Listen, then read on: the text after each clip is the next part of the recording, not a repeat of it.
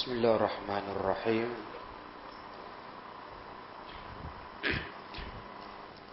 السلام عليكم ورحمة الله وبركاته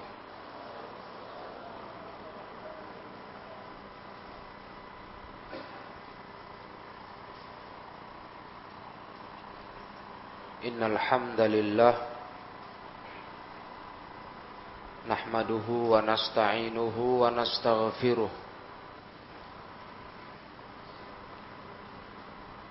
ونعوذ بالله من شرور أنفسنا ومن سيئات أعمالنا من يهده الله فلا مضل له ومن يضلل فلا هادي له أشهد أن لا إله إلا الله وحده لا شريك له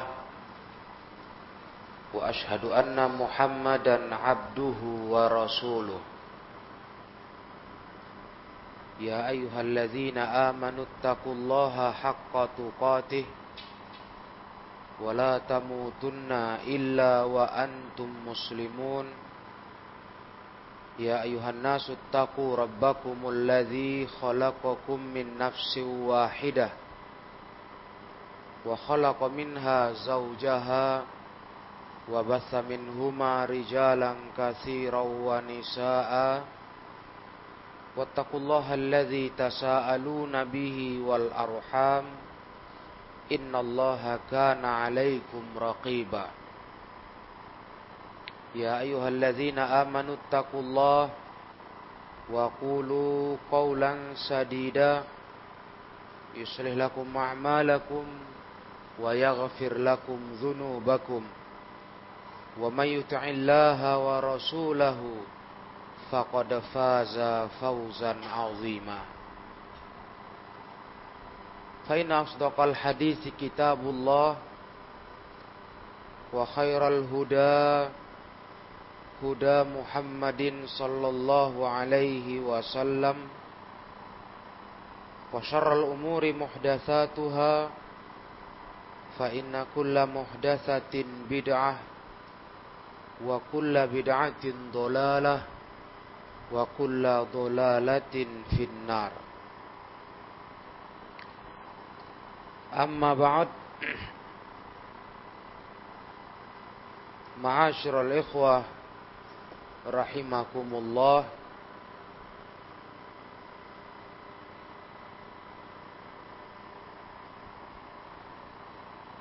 Pada kajian kita di awal bulan ini kita akan menyelesaikan pelajaran yang cukup panjang dalam poin ke-77 dari kitab Tahzirul Bashar min Usulis Syar.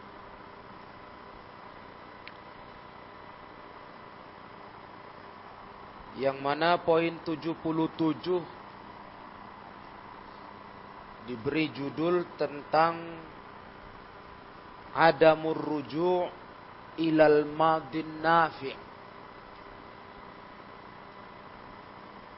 salah satu sumber kerusakan dan keburukan yang menimpa hidup manusia tidak mau kembali.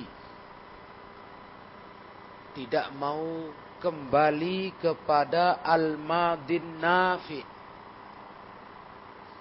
Sejarah masa lalu yang bermanfaat.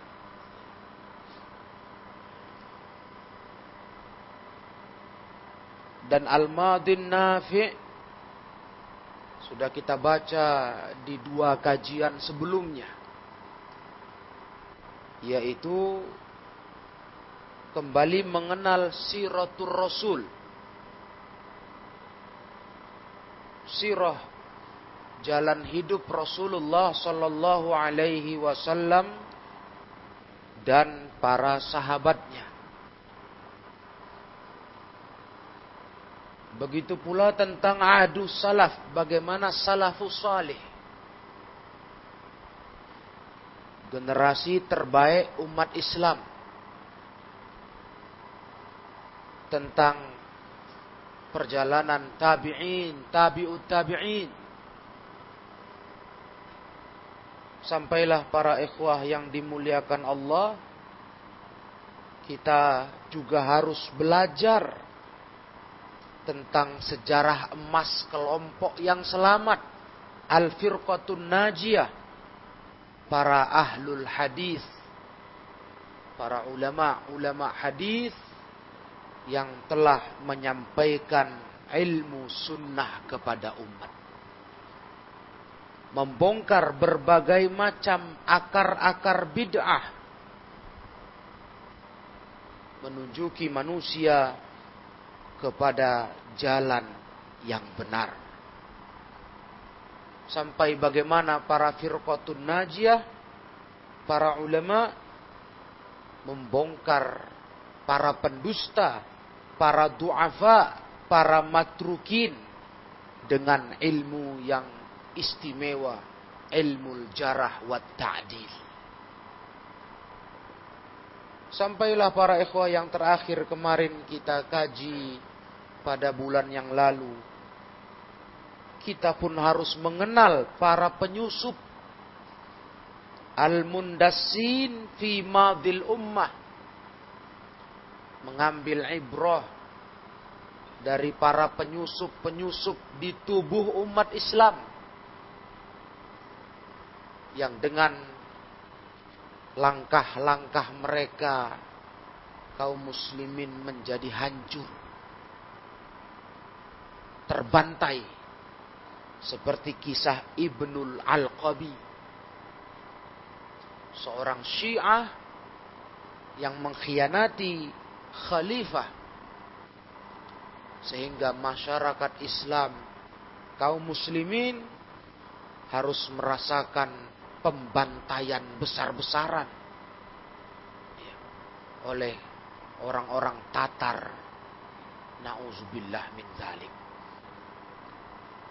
Nah, berikut ini ma'asyiral ikhwah poin yang kelima dari rangkaian perkara-perkara yang harus kita tahu, kita kenali tentang cerita masa lalu sebagai ibrah bagi kehidupan hari ini. Berkata Syekh rahimah uh, hafizahullah Kasfu zaifi da'awil Yahudi wan Nasara menyibak, membongkar tipu daya pengakuan-pengakuan Yahudi dan Nasra, Nasrani. Da'awal Yahud wan Nasara. Menyibak, membongkar pengakuan-pengakuan dusta kaum Yahudi dan Nasrani. Apa itu pengakuan dustanya para ikhwah? Inda anid da'au annahum ikhtara'u tibbal hadis. Kita tahu. Mereka mengaku-ngaku mereka lah yang bisa menciptakan kedokteran masa kini. Mereka menganggap atib ilmu kedokteran itu merekalah yang menciptakan. Dan coba para ikhwah jemaah yang mulia perhatikan. Di dunia hari ini apa yang terkesan di mata manusia. Ilmu kedokteran itu ilmunya orang barat. Dan ini masyirul ikhwah rahimakumullah kedustaan. Ya, kedustaan yang membuat kaum muslimin tak mengerti bahwa Islamlah sesungguhnya yang menjadi sumber ilmu kedokteran yang dikembangkan mereka. Nah ini perlu disimak, kata beliau. Perlu dibongkar. Agar kaum muslimin tidak tertipu dan tidak berkiblat ke mereka dalam hal teknologi. Tidak merasa merekalah orang-orang yang pintar, yang unggul. Padahal sesungguhnya para ikhwah rahimakumullah dari sisi atibul hadis sisi ilmu kedokteran kalau kita mau kupas sejarah ini sampai sekarang ikhwah. Sampai sekarang salah satu ensiklopedia kedokteran yang paling terbesar yang jadi rujukan negara-negara Eropa adalah salah satu yang ditulis dokter pertama yang ternama di tahun 700-an Masehi. Yang dikenal dengan nama Ar-Razi. Ini seorang dokter muslim yang juga penulis yang sangat rajin. Sampai dia menciptakan kitab Al-Hawi. Kitab yang sangat tebal. Sampai hari ini kata ulama, inilah kitab bahan rujukan dokter-dokter Eropa. Kitab Al-Hawi itu aslinya karena tebalnya ikhwah kalau ditimbang sampai 10 kilogram. Tulisan Ar-Razi di tahun 700-an Masehi. Jadi kalau kita perhatikan hal ini kata beliau, mereka hanyalah sebenarnya menyandarkan dirinya kepada kaum muslimin dalam pengambilan sumber ilmu. Namun tidak diungkapkan, tidak diakui. Mereka tampilkan diri seakan-akan merekalah para penemu-penemu dalam hal ilmu aktibu tadi, kedokteran. Nah, sejarah ini umat nggak tahu, kata Syekh. Umat nggak paham. Seakan-akan umat Islam ini adalah generasi yang bodoh, nggak tahu apa-apa. Nah, sehingga antusias masyarakat hari ini bahkan berangan-angan, berkeinginan generasi-generasinya kalau bisa seperti orang-orang Eropa karena mereka pintar-pintar. Hebat-hebat. Gak tahu mereka hanyalah menempel kayak benalu kepada umat Islam.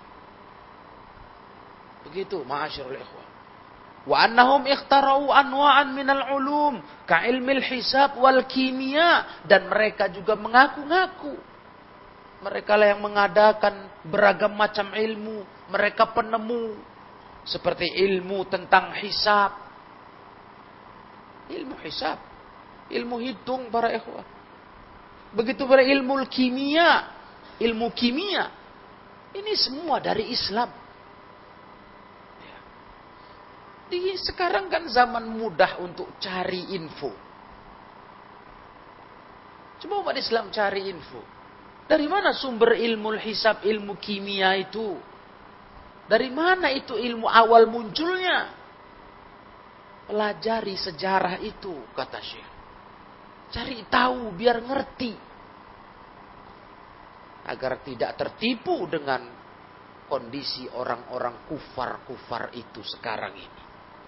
Wa anwa'an minal fununi kal fannil handasi wal fannil mi'mari Begitu pula beragam macam jenis bidang ilmu seperti ilmu arsitektur dan sebagainya.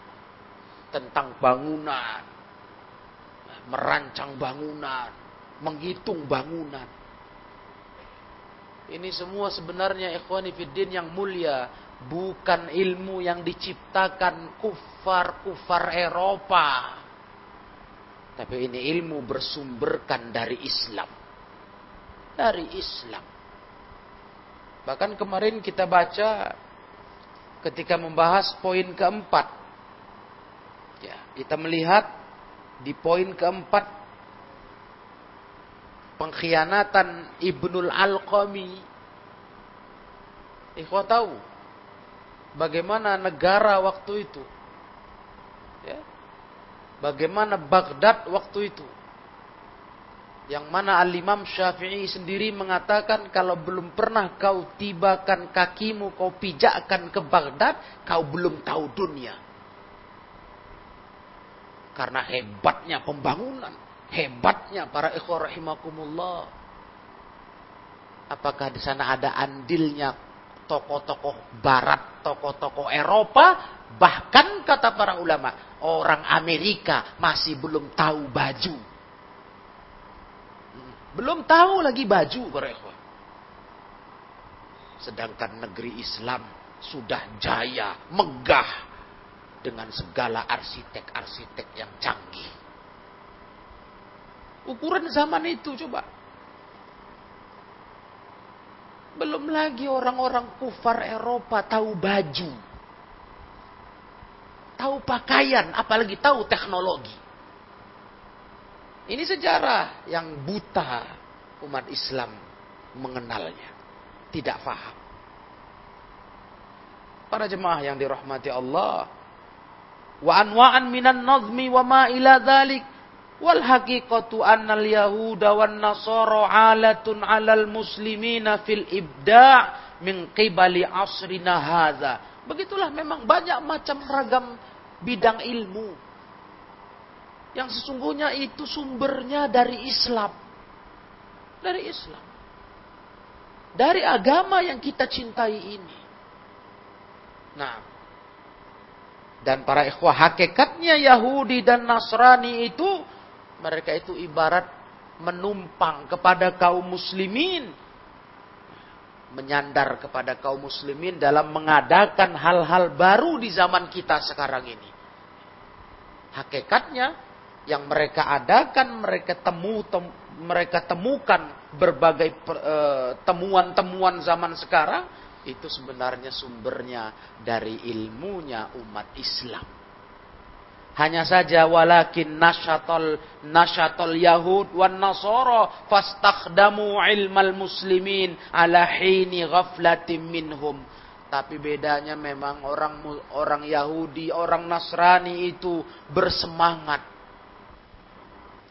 mereka pun kemudian menggunakan ilmunya umat Islam ketika umat Islam tidak begitu peduli, lalai dari hal-hal demikian. Atau bahasa lain yang pernah saya sampaikan. Mereka unggul. Sangat maju kita bilang.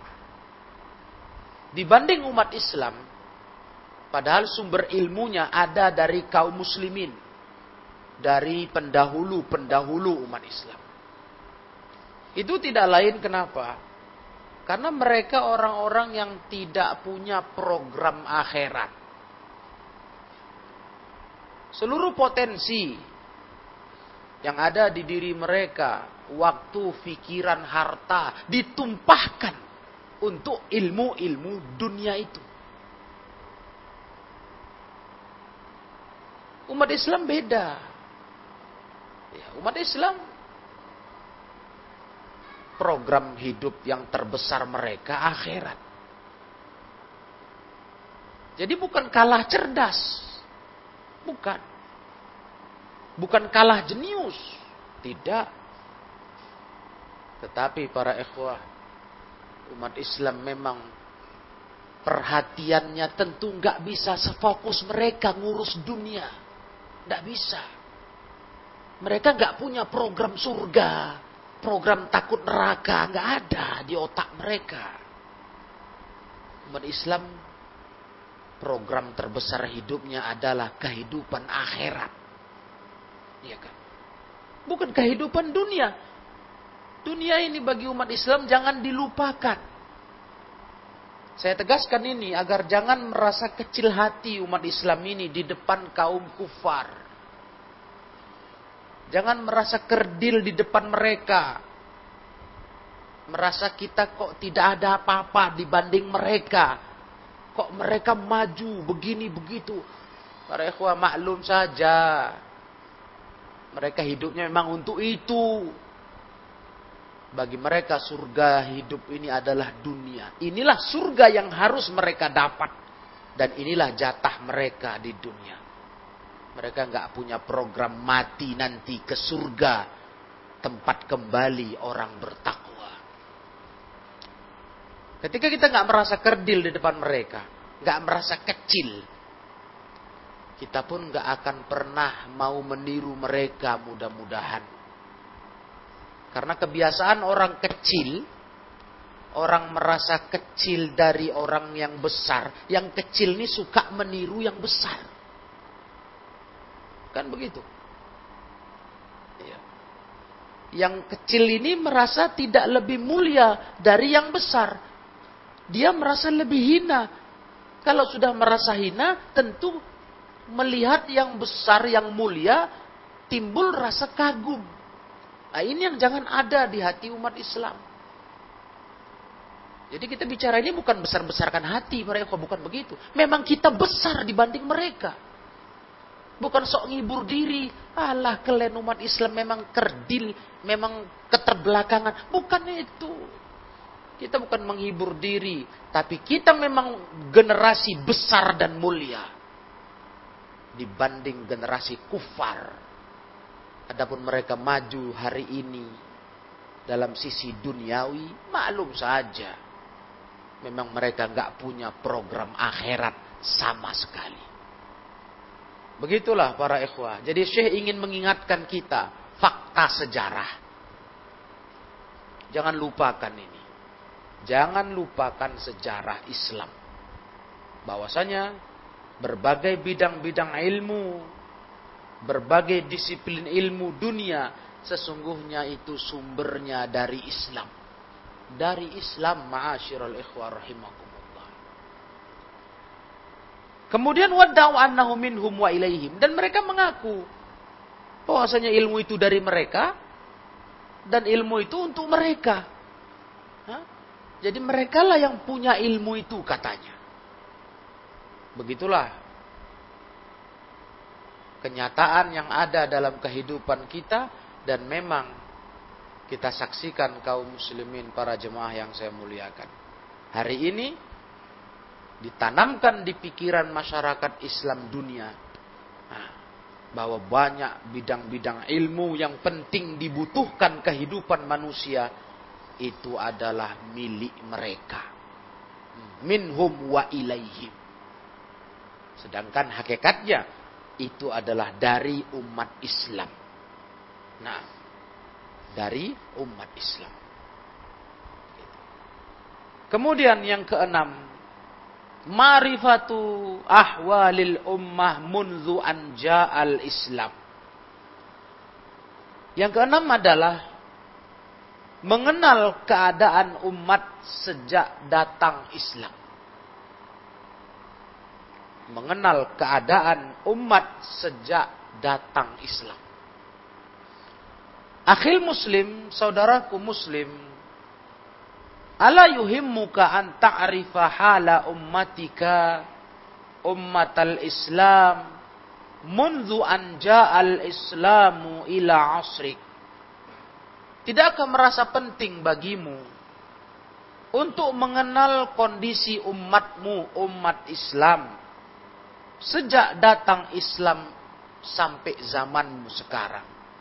Apa kau nggak tertarik? Nggak berkepentingan mengenal kondisi umatmu ini, kata beliau. Sejak Islam datang, sampai zamanmu sekarang, kau anut Islam itu. Fatata'arraf ala halati dha'fi wal quwwah wal ghina wal faqri wal yaqdhah wal ghaflah wal izzi wal inhitat wal intishar wal injas wa ma ila dhalik. Sehingga kaum harusnya mengetahui kondisi kelemahan dan kekuatan yang ada di tubuh umat Islam ini. Tidakkah kau merasa penting untuk kenal itu? Bagaimana lemah kuatnya umat Islam, kaya miskinnya, bangun dan lalainya, mulia dan runtuhnya. Kan panjang, berabad-abad para jemaah yang mulia. Sejarah itu yang harusnya kau kenali. Bagaimana tersebarnya umat Islam ini, bagaimana terhalangnya penyebarannya, dan banyak yang lainnya. khudul ibrah, sehingga kau bisa mengambil pelajaran. Ambil ibrahnya, ambil pelajarannya. Cari tahu, baca sejarah, bagaimana umat Islam ini berjalan sejak datang Islam di muka bumi. Wa laka min khair kathir wa min kathir. Dan kau akan jelas nantinya akan jadi jelas bagimu dari sisi-sisi kebaikannya banyak perkara dari sisi buruk pun demikian. Mengenal sejarah para ikhwah yang dirahmati Allah tentang bagaimana cerita hidup umat Islam sejak Islam datang di bawah Rasul itu penting sekali. Ya. Jadi kita melihat ketika umat Islam melemah, ketika umat Islam itu kalah, di saat umat Islam berjaya, di saat umat Islam maju, itu apa penyebabnya?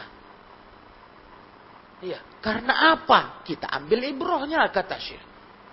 Wa takunu ala hadharin min an taqa fi syarr alladhi waqa'a fihi ghairuka minal muslimina sabiqan wa lahiqan. Sehingga kau bisa berhati-hati. Kau bisa jaga diri untuk jangan jatuh dalam keburukan yang terjatuh padanya selainmu dari kalangan umat Islam. Baik di masa lampau maupun masa sekarang. Itulah pentingnya belajar sejarah. Dapat cerita, dapat kisah, dapat uh, fakta. Kenapa umat Islam ini lemah? Kenapa umat Islam ini jatuh dalam kehancuran, kekalahan? Itu kau jadikan pelajaran untuk jaga diri. Begitu. Jadi nggak bisa kita lupakan sejarah. Karena nanti bisa berulang lagi. Apa dulu yang menghancurkan umat Islam, yang bikin binasanya para pemimpin-pemimpin Islam. Bahkan runtuhnya negara Islam, khilafah Islam. Itu mestinya dipelajari oleh masyarakat Islam hari ini. Fakta sejarah dulu itu bagaimana? Diambil jadi ibrah. Nah, Tanbih, maka ini peringatan kata beliau. Madatut tarikh, madatun ghaziratun tujmi'u afkarul ummatil muslimah. Materi tentang sejarah. Itu adalah sebuah materi yang sangat ghazirah, sangat dalam sekali. Yang bisa mengumpulkan pemikiran umat Islam wa ahwaliha wa aqwaliha wa nataiju dzalik yang bisa mengumpulkan tentang kondisi umat Islam dan segala ucapan-ucapan tentang umat Islam dan hasil daripada itu. Artinya tentang ilmu sejarah ini ini sangat penting sekali nilainya untuk perjuangan kaum muslimin. Ya. Jangan lupakan sejarah kata orang. Jangan. Jadi kita baca sejarah-sejarah yang kata Syekh harus dari sumber yang pasti. Langkah pertama, ikhwah, kalau kita mau kembali kepada sejarah umat Islam di dunia ini, kita harus pastikan dulu sumber bacaannya. Bukan semua buku yang mengungkap fakta sejarah itu bisa dikonsumsi. Tidak. Karena nanti akan beliau ingatkan. Menyusupnya para perusak-perusak sejarah yang menulis tulisan-tulisan yang tidak sesuai aslinya. Makanya harus kembali kepada kitab-kitab sejarah yang terpercaya. Dan ini penting. Belajar dari sejarah. Nah, belajar dari sejarah. Karena dengan belajar dari sejarah, kita bisa menghindari penyebab-penyebab kerusakan yang membuat umat Islam binasa di masa-masa terdahulu. Madatut tarikh tahmil fi tiyatihal haq wal batil wa ahli. ولهذا لا تستطيع أن تدرك الحقائق النافعة في التاريخ إلا إذا قرأت الكتب المخدومة من قبل أهل العلم materi tentang sejarah itu membawa kebenaran dan kebatilan di setiap uh, lembar-lembarnya. Itu berisikan kebenaran dan kebatilan. Ya. Tergantung ini para ekor yang mulia. Kita baca dari sumber yang mana? Nah, karena ada pemalsuan sejarah, pemalsuan cerita tentang apa yang terjadi sebelum kita hidup. Oleh karena itu kau tidak mampu untuk mendapati hakikat yang bermanfaat dalam masalah sejarah kehidupan umat Islam kecuali kau baca dari kitab-kitab yang yang ditulis oleh para ulama-ulama Islam. Ya, harus dari sumber ulama-ulama kita. Ulama-ulama kaum muslimin yang terpercaya. Tidak bisa sembarangan dibaca. Makanya para ikhwah yang mulia, umat Islam ini kadang tak mesti dikalahkan dengan senjata. Tak mesti dikalahkan dengan senjata. Tak mesti dijajah fisiknya. Tapi cukup dikalahkan dengan merusak pikirannya. Dijajah batinnya jiwanya. Ideologinya dijajah. Iya. Kalau untuk menjajah umat Islam secara fisik, ya, mungkin sekarang bukan zamannya. Satu dua daerah-daerah konflik, bisalah mereka dijajah, ditekan. Tapi untuk menjajah umat Islam di seluruh dunia, mustahil. Susah itu, nggak mungkin terjadi zaman kita ini. Tapi untuk merusak jiwanya, merusak cara fikirnya, merusak pola hidupnya, merusak semua yang selain tubuhnya, itu sangat mudah dilakukan hari ini. Dengan disodorkan tulisan-tulisan, ya, buku-buku, kitab-kitab yang isinya pandangan-pandangan yang keliru, yang nggak benar, pemalsuan sejarah.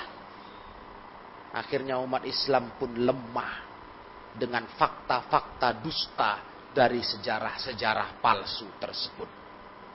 Wa illa nafaqta alaika nafaqat alaika dasais wa anqalabat alaikal mawazin. Kalau kau tak baca dari buku-buku yang ditulis ahli ilmu, akan masuklah kepadamu penyusup-penyusup. Paham-paham yang disusupkan terbaliklah atas pikiranmu timbangan-timbangan untuk menilai wasirta asiran lil batil. Jadilah kau sebagai tawanan kebatilan. Gak bisa kita ya kita gak bisa mengambil sebuah kesimpulan yang benar. Kalau sudah salah baca ini yang banyak terjadi. Sepertinya remeh ini ya, hanya dari tulisan kan begitu. Seberapa hebatnya tulisan merusak kata orang. Seberapa hebatnya karya-karya palsu itu merusak. Nah, lebih bahaya kalau kita dijajah dengan senjata, ya, diserang dengan senjata, dikalahkan dengan senjata. Tidak. Lebih dahsyat lagi ini para ikhwah diputarbalikkan fakta sejarah umat Islam oleh para penulis-penulis yang menyusupkan dirinya ke tubuh umat Islam. Wala tansa'annal musyawwihin lil Islam wa ahli la yaftaruna an dzalika fil laili wan nahar munzu maji'il Islam. Kamu jangan lupa orang-orang yang membuat kerusakan di tubuh umat Islam dan para ahli Islam itu terus menerus berusaha siang malam sejak Islam datang. Terus menerus ingin merusak fakta sejarah. Sejak Islam datang dulu. Mereka bekerja terus. Bagaimana mengkaburkan fakta kehidupan umat Islam dan perkembangannya. Sampai-sampai wa fi asrika tarabba'al mustasyrikuna ala kursi iddi'a'il ilmi bisyari'atil islamiyati. Sekarang di zamanmu kata Syekh, coba perhatikan. Para mustasyrikun orientalis itu duduk tenang di atas kursi. Ngaku-ngaku berilmu dengan ilmu syariat Islam. Jangan salah ya Dia orientalis tapi merasa dia orang yang belajar syariat Islam. Dan memang dia dispesialkan belajar itu. Dari ilmu lughatin min lughatin arabiyatin wa fiqhin wa da'au zuran wa buhtanan annahum ahlun lidzalik bayangkan. Mereka orientalis tapi mengaku berilmukan dengan ilmu syariat Islam seperti ilmu bahasa Arab Orientalis pakar bahasa Arab. Bayangan ya kok. Nah, inilah masuknya mereka. Pakar fikih. Mereka mengaku dengan penuh kedustaan. Mereka ahli tentang itu. Masya Allah. Memang disiapkan ya kok. Disiapkan untuk menipu umat Islam. Nah, ini fakta ini. Ya mungkin bagi mereka yang tidak merasa berkepentingan atau peduli akan Islam ini ya, nggak merasa terganggu dengan propaganda makar kaum orientalis ya mungkin dia nggak merasa terbebani dengan kenyataan ini. Karena ini masalahnya masalah terkait agama. Yang mana kita banyak masalah agama ini ya, kurang mencintainya kurang peduli lain kalau yang terganggu urusan dunia. Nah, ini baru terasa resah. Kalau ada gerakan-gerakan yang ternyata mengakibatkan dunianya terganggu. Nah, ini baru resah. Nah, jadi masyarakat yang mulia, mereka ini dusta, mengaku-ngaku ahli dalam masalah syariat Islam. Cuma begitulah dikesankan. Sampai-sampai banyak para pelajar-pelajar Islam sampai pada para guru-guru, dosen-dosen pengajar ilmu syariat Islam itu rujukannya bukan rujukan ke ulama-ulama terdahulu yang salafus salih mereka tapi kepada para pemikir-pemikir barat. Dianggap mereka inilah orang-orang yang hebat orang-orang yang mumpuni di bidang agama Islam. Nauzubillah. Wantasharat kutub wantasharat kutubuhum allati tadfahu bil hikdi wad dasais bismin annaha dirasatun ilmiyah kadzabu wallah tersebar buku-buku mereka yang penuh dengan kedengkian dengan cerita-cerita dusta diberi nama dengan dirosat ilmiah. Nah ini kata mereka ini adalah sebuah uh, penelitian ilmiah katanya. Astagfirullah. Sungguh kata Syekh, dusta demi Allah, mereka dusta. Logikanya begini loh ya Kok bisa kita percaya dengan penulis-penulis orientalis ini? Yang notabene mereka ada Yahudi, ada Nasrani. Kok bisa kita percaya? Kira-kira apakah mungkin mereka mengungkapkan fakta sejarah yang sebenarnya? Yang menguntungkan Islam? Mungkin nggak itu? Sedangkan mereka untuk ikut Islam saja nggak mau.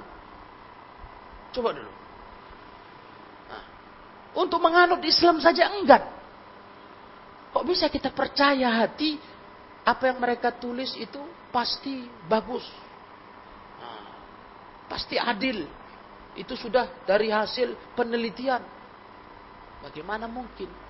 Sedangkan mereka dijamin Allah dalam Al-Quran walan tardu ankal yahudu walan nasoro hatta tattabi'a millatahum. Gak akan pernah ridho kepada Muhammad Nabi Muhammad Yahudi dan Nasrani sampai kau ikut ajaran agama mereka. Artinya kok bisa umat Islam meletakkan rasa percayanya kepada orang-orang seperti ini dalam mengungkapkan fakta sejarah Islam.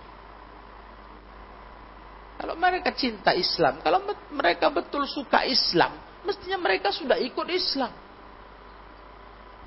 Aneh ya.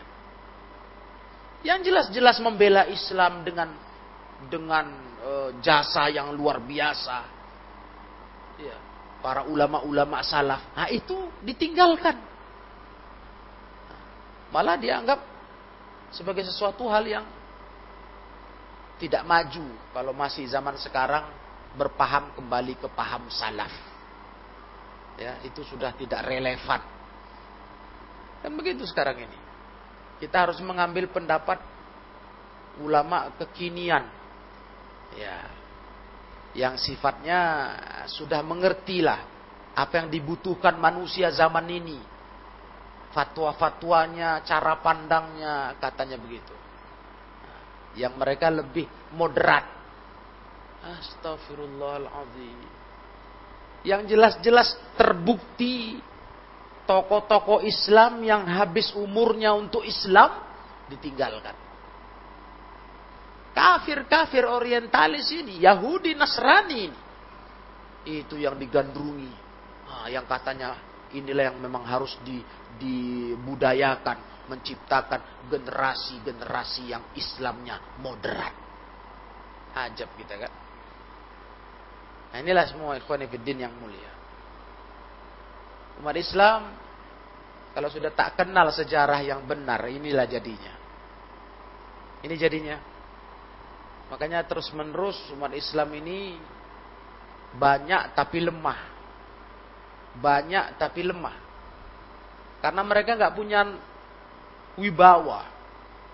Sumber wibawa mereka mereka tinggalkan. Itulah paham salaf ya, mengikuti generasi salaf ditinggalkan.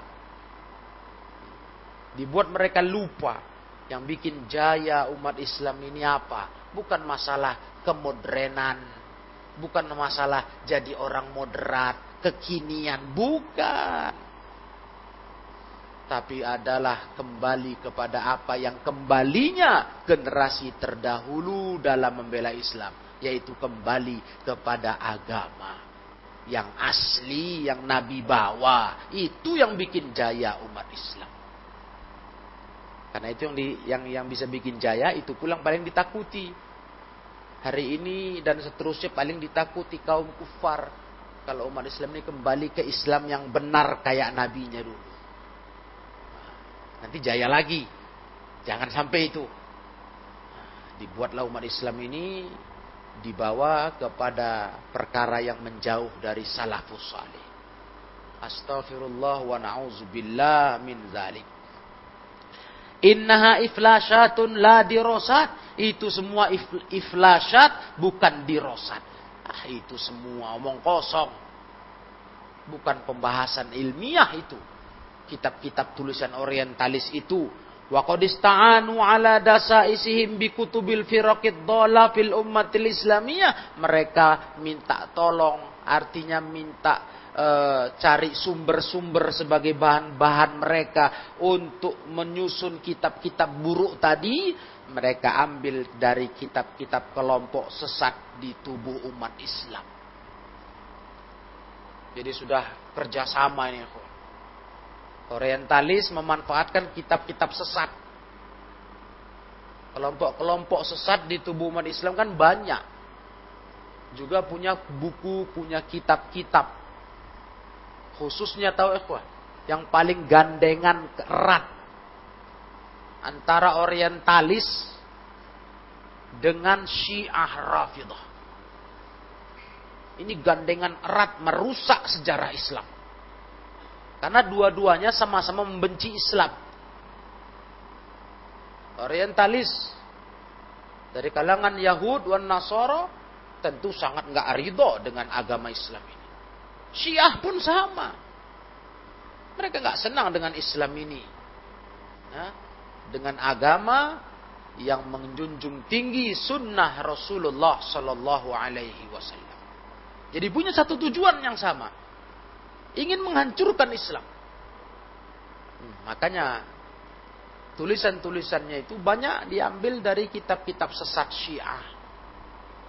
Nauzubillah min dzalik. Ini memang sudah sebuah uh, rahasia yang dikenal semua orang. Para pelajar-pelajar Islam tahu bagaimana kuatnya gandengan tangan antara kaum orientalis dengan kelompok Syiah Rafidah.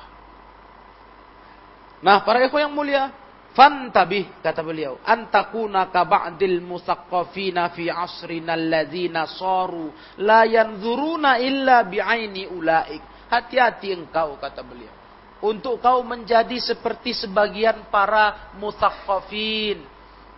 Musaqqafin para intelektual. Katanya intelektual, cendikiawan.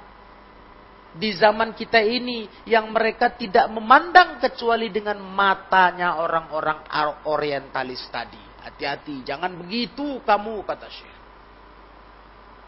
Banyak para intelek di zaman kita ini yang katanya cendikiawan muslim.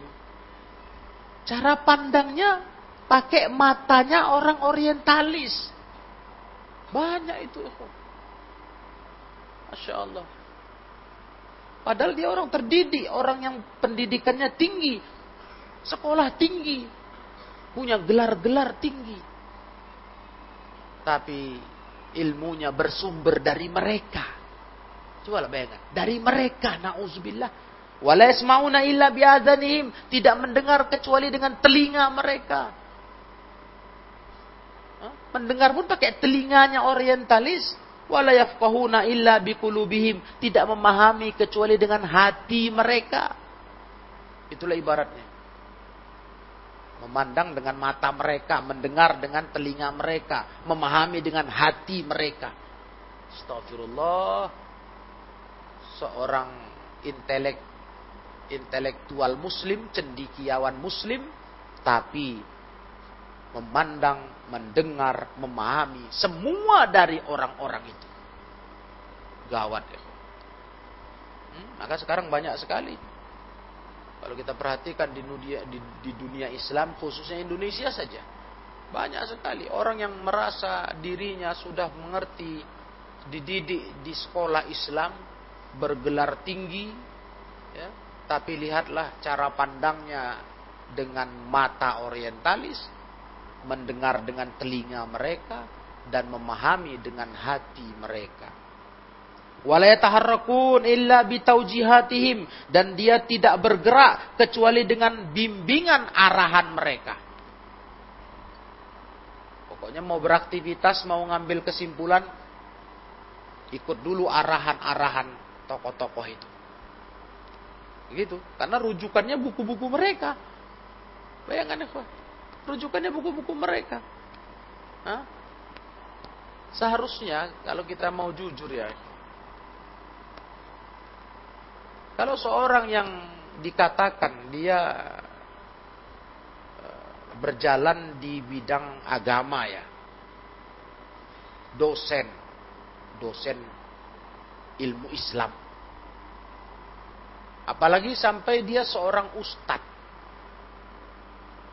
itu kan sepantasnya lah. Sewajarnya lah. Kalau nggak mau dikatakan seharusnya lah. Dia isi perpustakaan rumahnya dengan kitab-kitab ulama salaf. Kenapa demikian? Karena sumber Islam itu dari kitab-kitab ulama salaf. Itu sudah sepantasnya. Tapi apa yang terjadi para ikhwan? Seorang guru agama Islam, dosen yang mengajar bidang ilmu Islam. Bahkan dia seorang ustadz. Perpustakaan rumahnya berisikan buku-buku orientalis. Minim. Kalau dibilang gak ada. Minim kitab ulama salaf. Salah satu alasannya apa? Ternyata Nah ini ternyata mereka tak pandai bahasa Arab. Jadi bagaimana dia mau punya kitab salaf yang itu semua berisikan kitab-kitab bahasa Arab? Dia nggak tahu bahasa Arab. Dia ahli bahasa Inggris. Dia kuasai. Tapi bahasa Arab, bahasa sumber kitab Islam dia nggak tahu. Ini banyak, banyak kejadiannya. Bahkan masya Allah, ada seorang dosen di uh, Universitas Islam Negeri yang sedang mengambil program doktornya S3 datang bertamu bertanya tentang masalah pola pendidikan kita itu bapak itu masya Allah, subhanallah, dengan penuh kesadaran ngomong. Satu yang saya malukan Ustaz. Saya sendiri masih heran. Saya sekarang sudah hampir doktor di bidang ilmu agama Islam dan dosen. Tapi saya malu ke diri saya. Saya tak pandai baca kitab gundul. Tak pandai saya. Subhanallah. Coba kau bayangkan. Sudah hampir habis dia sekolah. Sudah hampir habis. Ya. Hah? Habis dia doktor, habislah jenjang pendidikannya. Tapi dia bilang, saya heran lihat diri saya.